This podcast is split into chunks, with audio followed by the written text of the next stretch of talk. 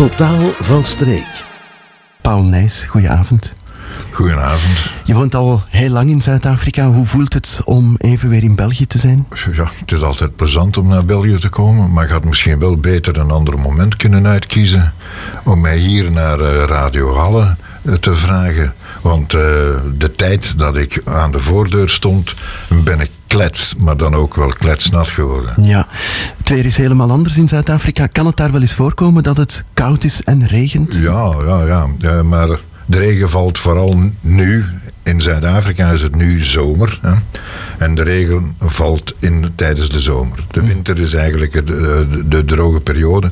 En in de zomer kan het enorm hard regenen en ook enorm hard stormen. Uh, ja. Kan je nog iets zeggen over het klimaat? Uh, sneeuw, zien jullie dat daar ergens? Sneeuw, ja, ja, ja dat, dat, inderdaad. Pieter, ik woon in Pietermeijersburg en dat is zo, moet ik zeggen, je kunt zeggen, ja, dat, dat, dat ligt tussen de kust en de bergen. Uh, Pietermeijersburg is 90 kilometer ver, verwijderd van Durban. Durban is de havenstad aan de oostkust van Zuid-Afrika. En Pietermeijersburg is ook zo'n 100 kilometer verwijderd van de bergen, de Drakensberg. Zeer, zeer, zeer mooie uh, bergstreek. Uh, toerist is ook zeer populair. En uh, daar sneeuwt het tijdens de winter. Mm -hmm. nou. Je bent afkomstig van Halle. Ja. Uh, waar juist? Ik ben geboren in 1948. Tot 1958 hebben wij gewoond op de Auguste Maagdlaan. En dan zijn wij verhuisd naar Sint-Rogus. En daar woonden wij op de let op, de Lusthuizenlaan. Lusthuizenlaan voor de Hallenaars, de Villalaan. Ja, en uh, daar hebben we gewoond uh, de hele tijd tot, tot ik ben weggegaan. Ja. ja, en je hebt hier wel een actief leven gehad hè, in Halle. Uh, ja, ja, ja, natuurlijk. Ik geloof wel dat... ja, ik ben altijd een sociaal mens geweest. Ik was, ik was in, op Sint-Roos, maakte ik deel uit van de scoutsgroep, ben daar ook leider geweest. En dan, uh, ja, uh, ik speelde gitaar en ik zong. En uh, op die manier ben ik, ben ik ben ook veel mensen tegengekomen. En heb ik muziek gemaakt, heb ik in groepjes gespeeld. Bijvoorbeeld op de braderie van Sint-Rogus heb ik gespeeld. Er waren ook uh, festivals in het Stadspark, daar heb ik ook gespeeld. Uh, ook in cafés. en dat kon wel gebeuren dat ik gewoonweg mijn gitaar meenam op café. En dat, dat dus de avond daar inderdaad uitdraaide op zingen. En, uh, ja. Die groepen, um, als je daar een naam van zou noemen, zou dat nog een belletje kunnen doen, rinkelen bij de iets bij, oudere de, de, de, de, groepen hadden over het algemeen geen naam. Oké. Nou. Ja, ja, okay. um, ja, caféleven zie ik hier ook staan op mijn blad. Um, ja. Ik vind het altijd spectaculair als mensen dat toegeven, dat ze daar uh, ja, mee geconnecteerd zijn. Uh, hoe, hoe moeten we dat zien? Ja, dat was dan vooral op de grote markt hè, en vooral in de verzand. De tijd van uh, Zorske, de tijd van uh, Polla, de mm -hmm. tijd van de Sue en de tijd van Marieke. Die vier mensen die nu nog altijd een, een foto hebben op de, op de achtermuur of ja, in, uh, in het café. Waar je, ja, mm -hmm. dan, ja. Halle is veranderd. Kan jij dat beamen? Ja, natuurlijk. Ja. Uiteraard is het veranderd. En ja, dat is ook wel eigenaardig voor iemand die weggaat. Ik ben dus weggegaan in 84 naar Zuid-Afrika. Ik, daarvoor uh, had ik al een, tijd lang gewerkt in Congo en in Algerije. En voor iemand die weggaat, uh, als je terugdenkt aan Halle, dan denk je altijd aan dat Halle natuurlijk dat jij gekend hebt. En je wilt dan ook altijd, ja, als je terugkomt, de mensen zien die je gekend hebt. Je wilt ook eens graag dialect praten en zo. En uh, stilletjes aan verdwijnen die dingen.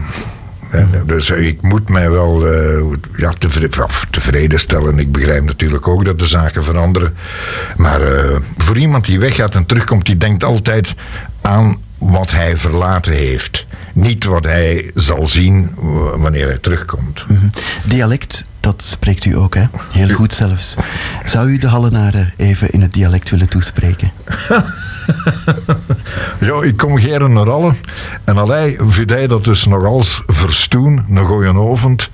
Het is eigenlijk voor mij altijd plezant om als te spreken. Ik zoek ook op het net, nieuwe websites, hoe dat je eigenlijk hoe zal ik zeggen, kun je A-ervaring mij, uh, mij uh, dealen over dingen dat je kent in alle uitdrukkingen en zo. En uh, ja, dingen daarna misschien, waren daarna misschien niet meer gebruikt worden.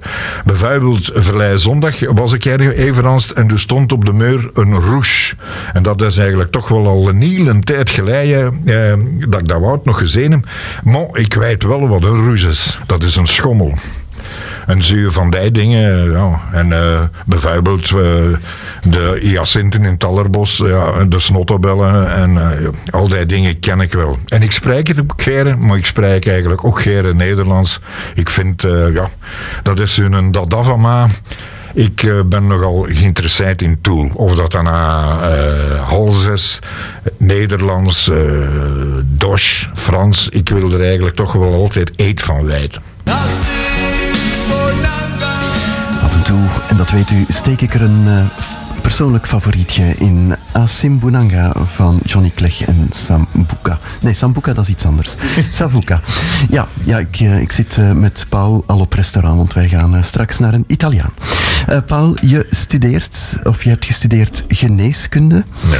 specialisatie, tropische ziekte. Ja. Dat is natuurlijk niet voor niks hè, dat je dat studeert. Dat zat al in jouw achterhoofd van ja, weg te dat, gaan. Dat, dat, is altijd, ja, dat is altijd de bedoeling geweest. Dus ik heb geneeskunde gestudeerd in Leuven. En dan uh, ja, was het de bedoeling om naar het buitenland te vertrekken. Vooral dus naar Zwart-Afrika, de ontwikkelingslanden. En als je daar eigenlijk wilde naartoe gaan, dan, dan had je een uh, certificaat nodig. Voor vele van die jobs had je een certificaat nodig of een diploma van het instituut Tropische Ziekten in Antwerpen. En um, daar ben ik dan uh, ook naartoe gegaan na mijn studies, die ik voltooid had in 1973. Dan ben ik daar een, uh, naar het Instituut van Tropische Ziekten gegaan in Antwerpen en heb ik daar het diploma gehaald in tropische ziekten. Ja. -hmm. Is het moeilijk geweest om weg te gaan? Heb je veel moeten achterlaten? Ja en nee. De, als de mensen mij vragen waarom, uh, waarom Paul, uh, zijt je weggegaan, dan, dan zeg ik het altijd. Het zit in de chromosomen. Ik kan daar eigenlijk geen uitleg aan geven. Er was die drang, er was de goesting om weg te gaan.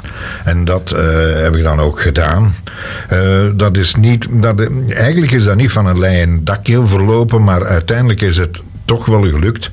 En ja, via Algerije, een terugkomst, via Congo en dan nog teruggekomen, ben ik dan uiteindelijk in 84 naar Zuid-Afrika vertrokken. En dus daar een job opgenomen in de publieke gezondheidszorg.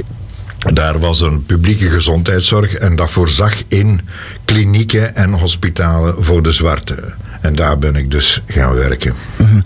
Wat was je eerste indruk van Zuid-Afrika als je daartoe kwam? Ik, ja, aangezien ik in Congo was geweest, uh, was mijn eerste indruk... Zo, ja, dat is hier niet echt Afrika, want... Uh, in Zuid-Afrika, de eerste middens waar je rondloopt, die zien eruit zoals hier in Europa. Je zou denken, ja, ik ben ergens in Europa. En eigenlijk, ja, ik had zo de indruk dat de, het leven van de andere mensen, en vooral dan van de zwarte, weggemoffeld was. En, en dat was ook zo. Dus uh, ja, ze, uh, ze kwamen wel in de stad, maar uh, s'avonds moesten ze daaruit weg. White by night was de regel. En dus de zwarte die moesten dan naar hun wijken gaan. En die wijken die waren uh, ja, weggemoffeld. Je kunt heel gemakkelijk in Zuid-Afrika rondrijden zonder ooit een zwart gebied te zien. Dat kun je heel gemakkelijk. En nu nog altijd. Dus dat was eigenlijk een vorm van apartheid. Ja, dat, dat was apartheid, inderdaad. Uh, inderdaad. De, de blanken wouden dus dat de zwarten apart hun leven uh, organiseerden. Mm -hmm. je, je, komt dan terecht in een ziekenhuis voor zwarten. Ja. Um, wat trof je daar aan? Ja, het eerste ziekenhuis waar ik gewerkt heb, dat was een heel klein ziekenhuis. Heel klein ziekenhuis. En daar uh, eigenlijk de dokters die daartoe kwamen om te werken. Uh, die, die, waren verantwoordelijk voor alle diensten. Hè. Dat ging dus van kindergeneeskunde over heelkunde, inwendige, interne zie Dus alles en ook het bezoek aan de, aan de clinics, aan de klinieken, dat hoorde daar allemaal bij. Wat mij eigenlijk altijd het meest heeft aangetrokken was het bezoek van klinieken. En, en, eh, en ja, het, het brengen van gezondheidszorg zo dicht mogelijk bij de mensen. Snap je? Mm Vooral AIDS, hè? daar bent u dan... Ja, de AIDS, uh, AIDS... In 84 was er nog geen AIDS. Hè. Uh, AIDS is opgedoken in de begin jaren 90. Is, uh, is AIDS opgedoken. Eerst HIV. Hè.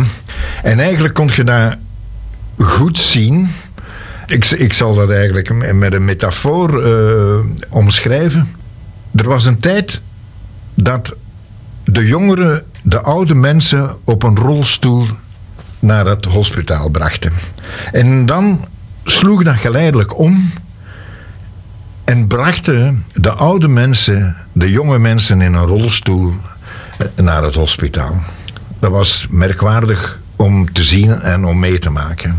En dat werd, uh, ja, in het, in het begin werd dat fel ontkend door de regering, door de overheden. Maar ze hebben dan ja, dat ook uh, moeten toegeven op den duur. Het werd ook ontkend door de, door de patiënten, door de mensen die bij u uh, dus op consultatie kwamen.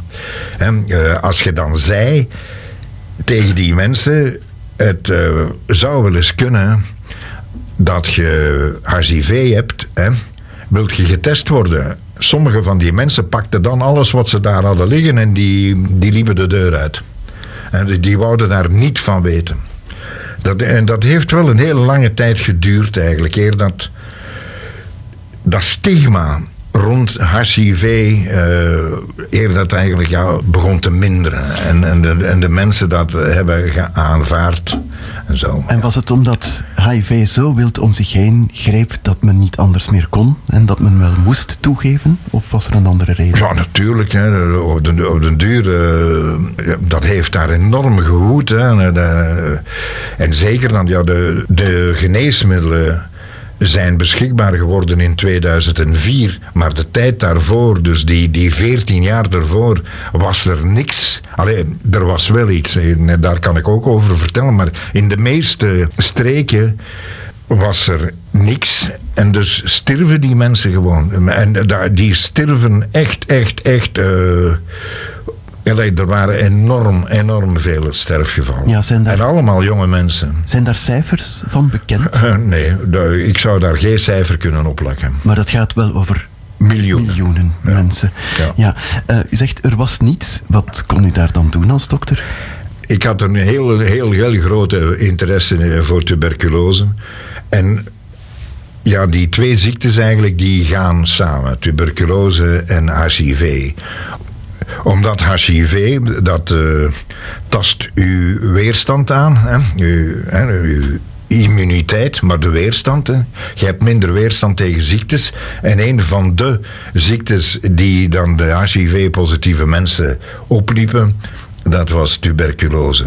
En op die manier ben ik dus via tuberculose in contact gekomen met HIV. Maar er is wel iets anders gebeurd. In het hospitaal waar ik in 97 werkte, daar kwam een, daar kwam een andere Belg toe. Een andere Belg, dokter Koshelev. En die had in Burundi gewerkt. En, ja, en die was ja, zo, zo een beetje gaan lopen. Ja, ja, dus die, die had Burundi verlaten omwille van al de uh, onlusten die daar zijn geweest en de genocide die daar heeft uh, plaatsgehad. En die had dus al HIV meegemaakt in Burundi en die was daar fel door geïnteresseerd geworden en had daar in, uh, in Burundi al klinieken opgezet waar mensen dus die HIV positief waren, waar mensen met hun problemen konden komen. En dan kwam hij, enfin niet in 97, hij was wel al een paar jaar eerder in Idendeel toegekomen, maar in 97 kwam hij bij mij. En dan zei hij, ja, jij zijt dus geïnteresseerd in tuberculose en je zijt geïnteresseerd in HIV, zouden we geen kliniek opstarten voor mensen die uh, eh, HIV-positief zijn? En die toch, hoe zal ik zeggen, raad aanbieden, behandeling aanbieden voor al de problemen die ze krijgen. Niet tegenstaande dat er eigenlijk echt geen geneesmiddel tegen, eh, tegen aids was en die mensen wisten dat, dat ze in feite ten dode waren opgeschreven op den duur. Mhm. Hoe is het met AIDS nu gesteld in Zuid-Afrika? Ja, er is dus uh, een uh, programma opgezet. Het, het grootste AIDS-programma en AIDS-behandelingsprogramma in de wereld. Ik weet niet hoeveel mensen er eigenlijk op behandeling zijn, maar het gaat wel heel goed met dat programma. Mm Dat programma is uh, overal verspreid. In alle clinics kunnen de mensen terecht. de medicaties zijn veranderd er is ook een, een, eh, een programmatie die zegt: oké, je begint met die uh, medicamenten. Als die niet werken, hebben we nog andere medicamenten en zo. Dat is absoluut fantastisch. Dat is echt een, een, een pluspunt voor Zuid-Afrika. En het gaat ook beter met de apartheid. Intussen. Beter, uh, nou natuurlijk. Hè. Sinds 94. Uh, in 94 zijn dus de eerste echte verkiezingen eh, gebeurd. En, uh, waar dus de zwarten konden gaan stemmen. En sindsdien ja, mogen zij overal komen, mogen zij overal gaan wonen, mogen zij overal zijn. Of dat, ja, daar zijn natuurlijk wel heel, heel wat problemen rondgekomen, maar dat heeft te maken met het feit dat, ja, met het einde van de apartheid werden de zwarten die tevoren eigenlijk martelaren waren en, en, en, eh, en, en, en, terroristen of zo. En in één keer werden dat gewone mensen. En je weet wat dat betekent. Mhm. Gewone mensen met hun goeie en met hun slechte kanten. En als je dan naar de politiekers kijkt, dan, er is veel corruptie enzovoort enzovoort enzovoort. In de, en dat is ten koste van het leven en het welzijn van de gewone man. Zuid-Afrika heeft ook wel een aantal troeven natuurlijk. Hè. Waar word jij ter plekke gelukkig van? Ja, want de troeven uh, ja, in mijn onmiddellijke omgeving. Ik, ik heb natuurlijk mijn muziek meegenomen naar Zuid-Afrika. En je kunt daar eigenlijk als iemand die muziek speelt, je kunt daar eigenlijk veel doen. In Pietermeizenburg was er een folkclub, dat ze dat noemden, waar dus mensen die een instrument bespelen. Daar werd dus een podium aangeboden, een open stage. Eh, waar je dus elke week, eh, als je goesting had, kon gaan spelen. En daar ben ik natuurlijk wel mensen tegengekomen die ook muziek speelden. Een, trombonist, een vioolspeler, een drummer, bassist, een andere gitarist. En dan hebben we wel jarenlang een groep gehad daar in Pietermeidsburg. En die noemde All Right on the Night. Mhm. ja. Ben je nog actief? Je bent met pensioen, maar misschien kan je daar nog wel iets betekenen voor de zieke mensen? Ah, de, in, in gezondheidszorg op dit ogenblik niet. Ze, ze willen dat niet. Ze willen niet meer. Eén dus, uh, keer 65 uh, zijt, ja, moet je op pensioen en dan... Ja, je kunt natuurlijk vrijwilligerswerk doen, dat wel, ja. Mhm. Maar dat, heb ik nog, ja, dat heb ik nog niet uitgezocht. Ik ben per slot van rekening nog altijd maar twee jaar met pensioen. Ja, dus je hebt al wat langer kunnen werken dan de gemiddelde Belg.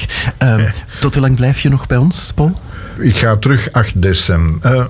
Nee, 7 december. 7 december, dus de Hallenaren die jou nog willen ontmoeten, die moeten misschien eens naar de Fazant? Of? Ja, die kunnen, die kunnen eens uh, binnenwippen in de, in de Blue Note. In de Blue Note. Op uh, zaterdag acht dagen ben, ben, ik daar. Voilà. Paul, heel hartelijk bedankt voor het gesprek en uh, het mooie parcours ook dat je hebt afgelegd en dat we dat hebben mogen horen op de radio. Oké, okay.